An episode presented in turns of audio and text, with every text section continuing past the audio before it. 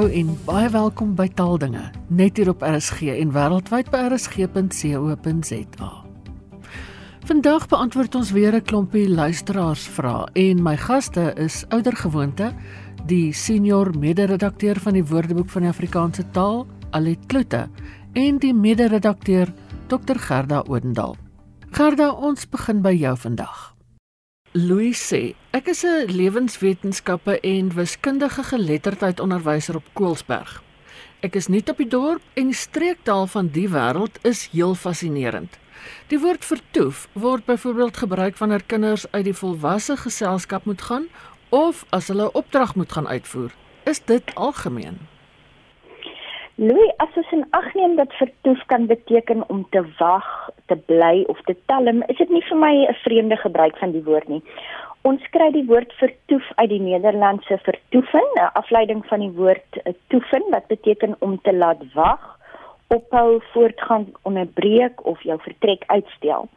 Nou die woord vertoewe uh, is reeds in die Patriot Woordeboek van 1902 opgeneem. En een van die betekenisse van die woord vertoef wat in die Woordeboek der Nederlandse taal opgeneem is, is talm, draal, aarsel of tresel.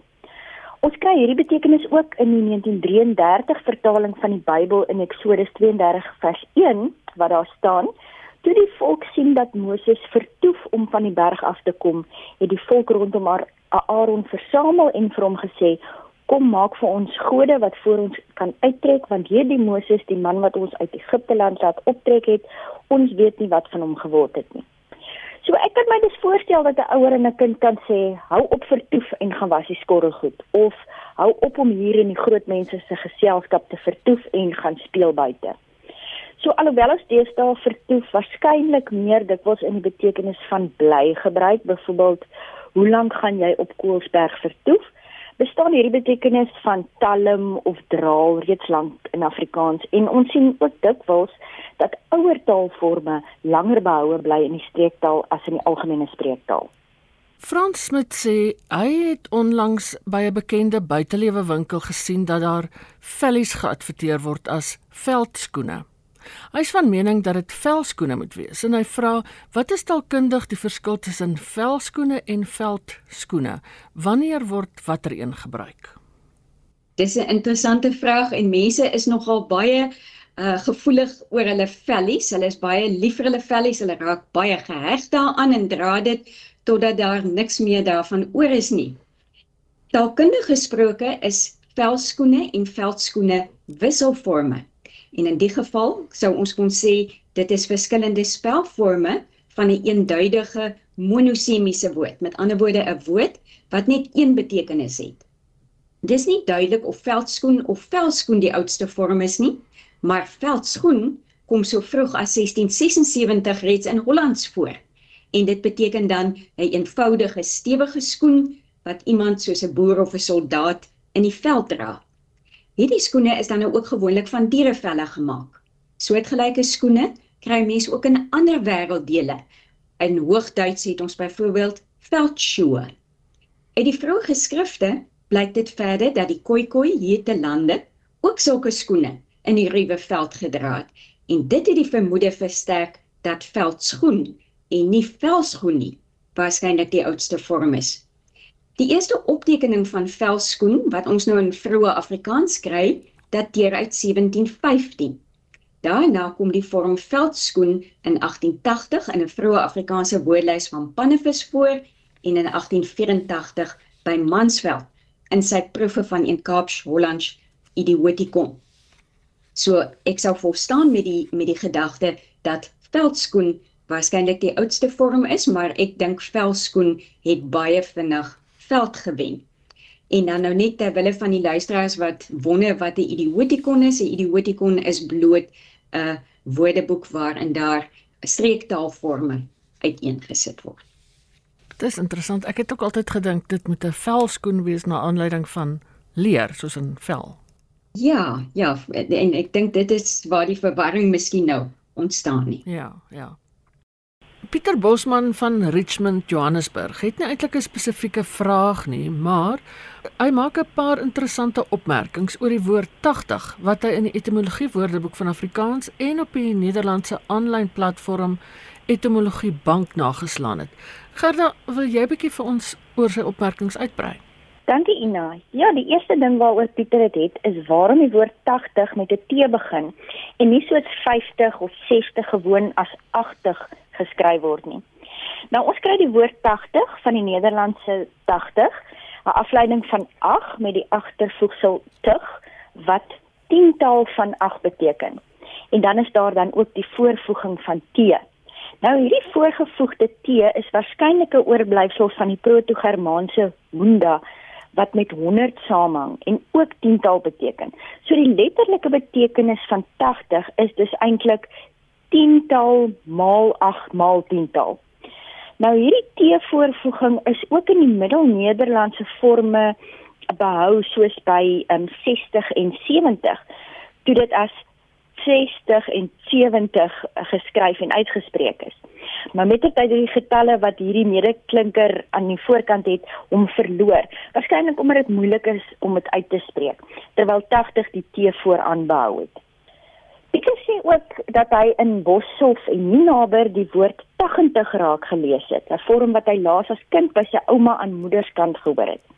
Nou hierdie vorm wat uit die Middel-Nederlandse 80 kom, is na die voorbeeld van 70 en 90 gevorm en is volgens getuienis in 1850 nog algemeen by sogenaamde beskaafde mense in Amsterdam gehoor.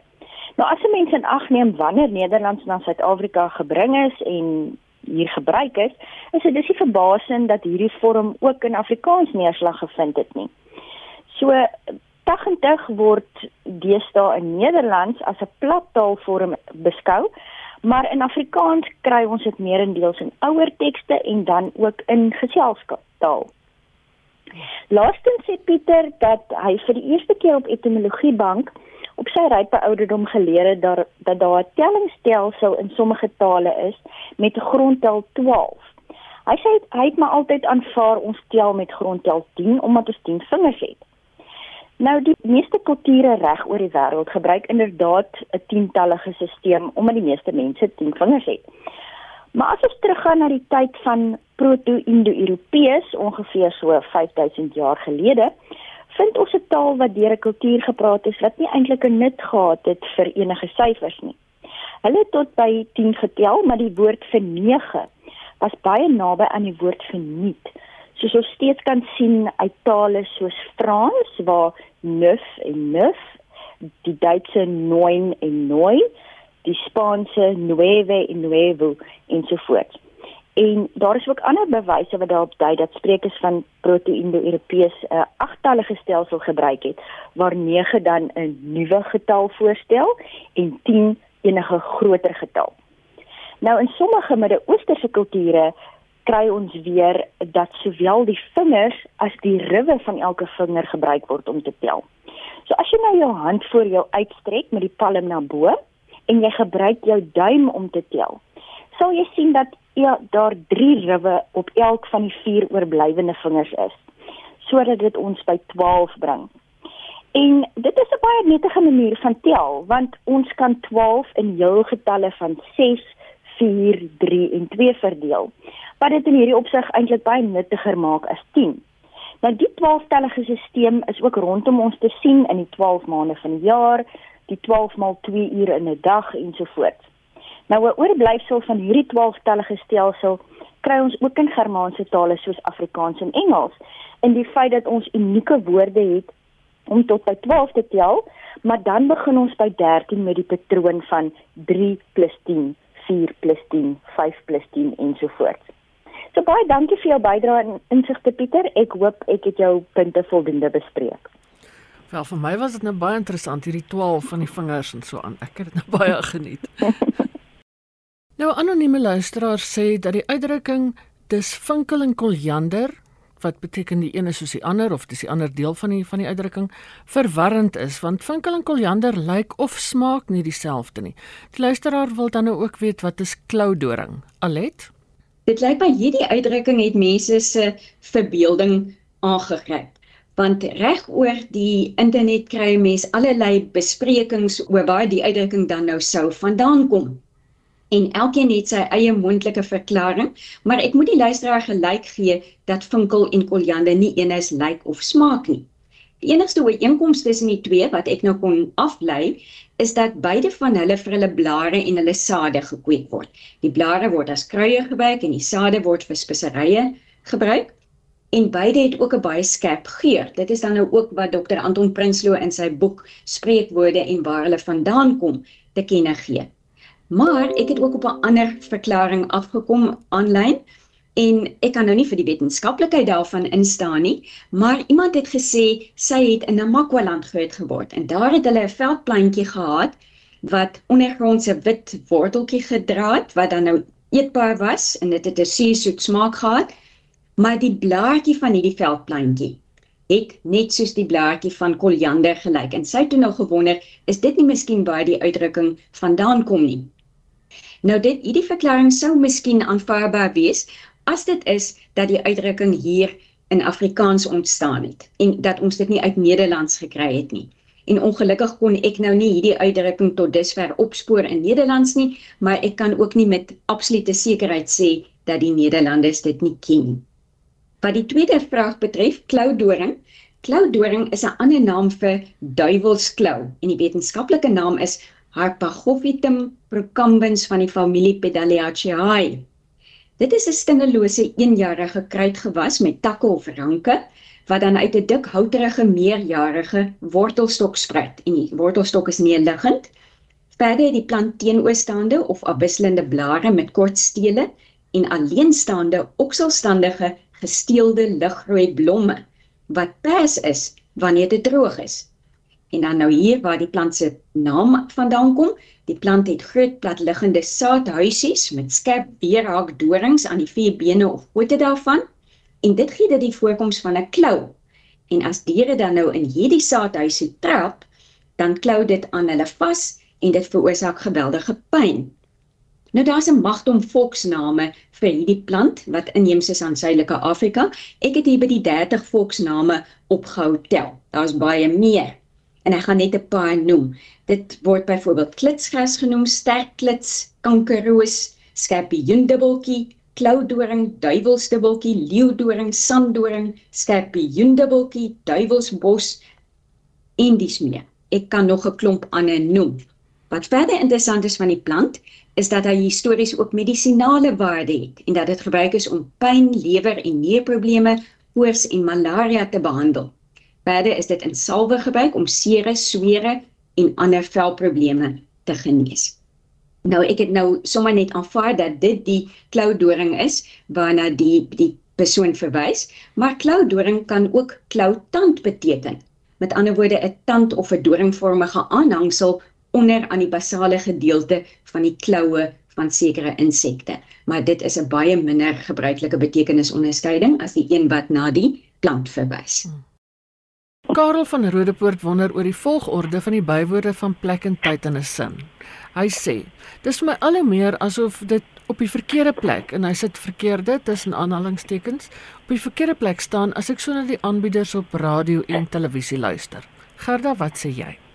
Ja, alhoewel daar 'n redelike mate van vryheid in opsigte van die volgorde van bywoordelike bepalinge in 'n sin is, is daar tog 'n enkele vaste volgorde reëls.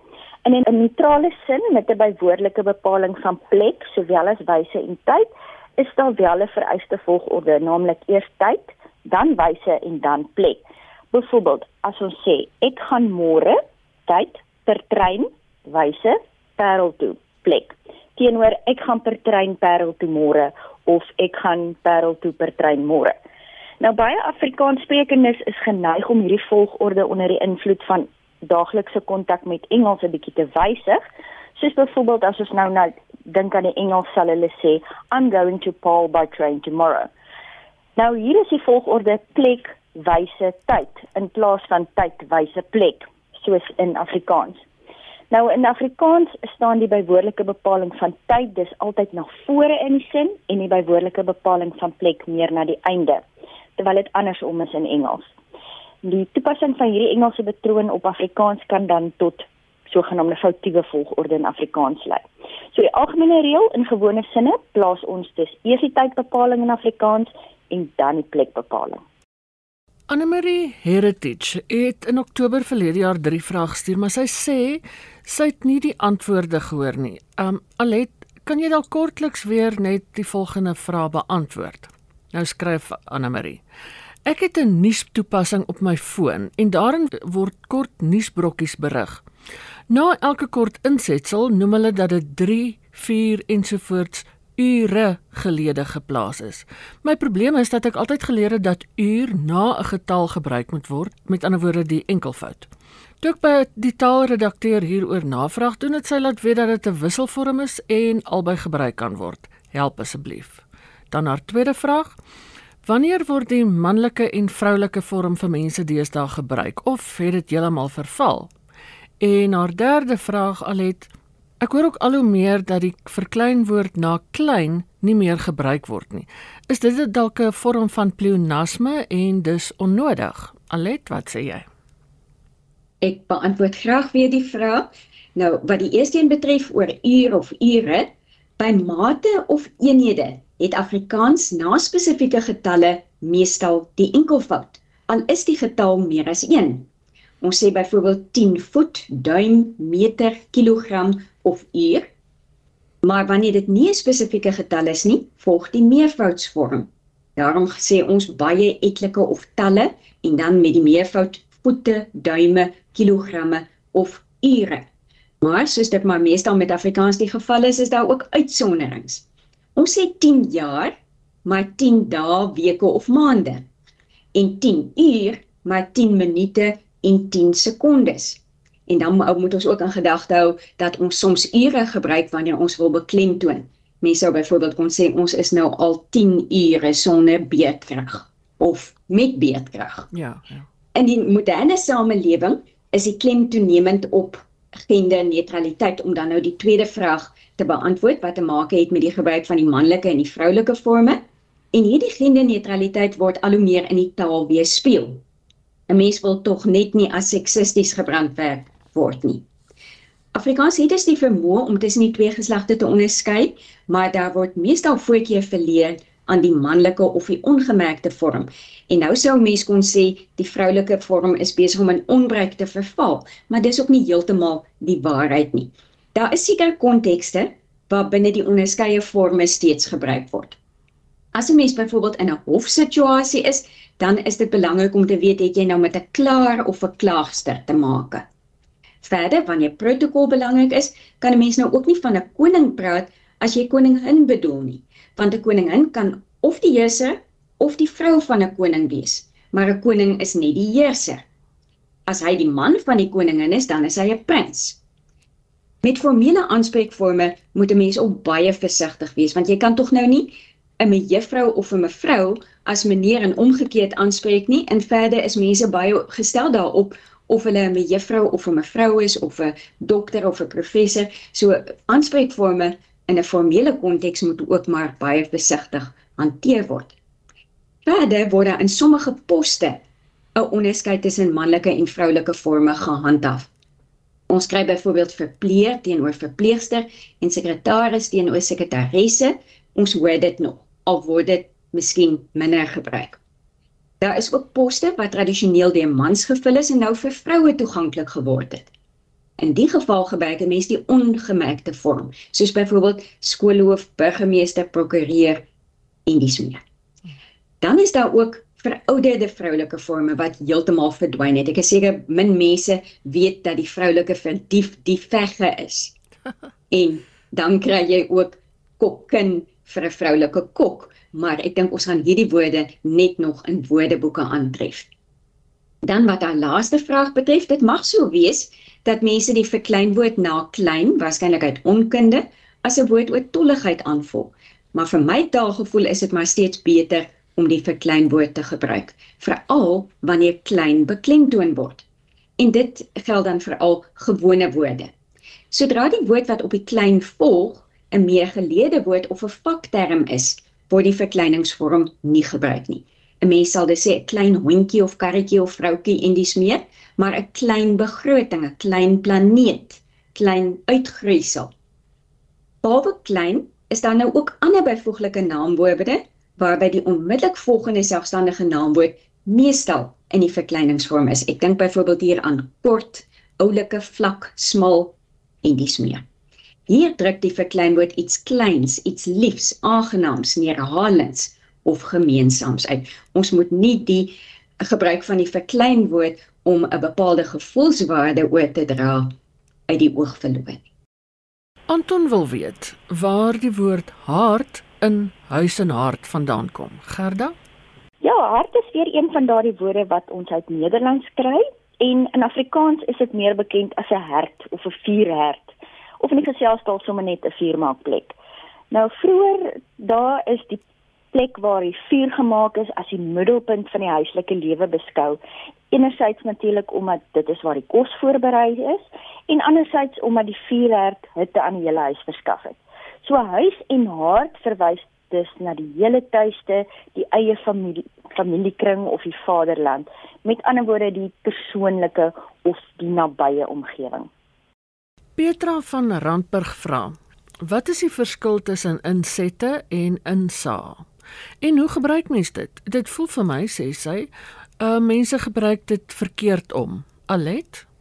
Ja, insette en insaag beteken glad nie dieselfde nie. As 'n mens 'n inset of insette lewer, beteken dit jy maak 'n bydrae tot iets, byvoorbeeld tot 'n gesprek of 'n vergadering. Maar wanneer jy insaag in iets het, daai saag het te maak met sien, dan beteken dit om iets in te sien, kennis daarvan te neem of daaromtrent ingelig te wees. Ek het mense sou byvoorbeeld kon sê ons het nie insaag gehad in die besluit wat die hoofredakteur geneem het nie of iets soortgelyks. Dit was die senior mede-redakteur van die WAT, Alet Kloete, en die mede-redakteur Gerda Oudendal. 'n Klompie vrae staan oor tot 'n volgende keer. En as jy weer na die program wil luister of na ander potgoeie, maak gerus 'n draai op die webwerf rsg.co.za en ontdek die skatkis van ons potgoeie. daarmee is dit ook groetheid. Geniet die res van die dag in RSG se geselskap, bly veilig, bly gesond. En van my, Ina Strydom, groete tot 'n volgende keer.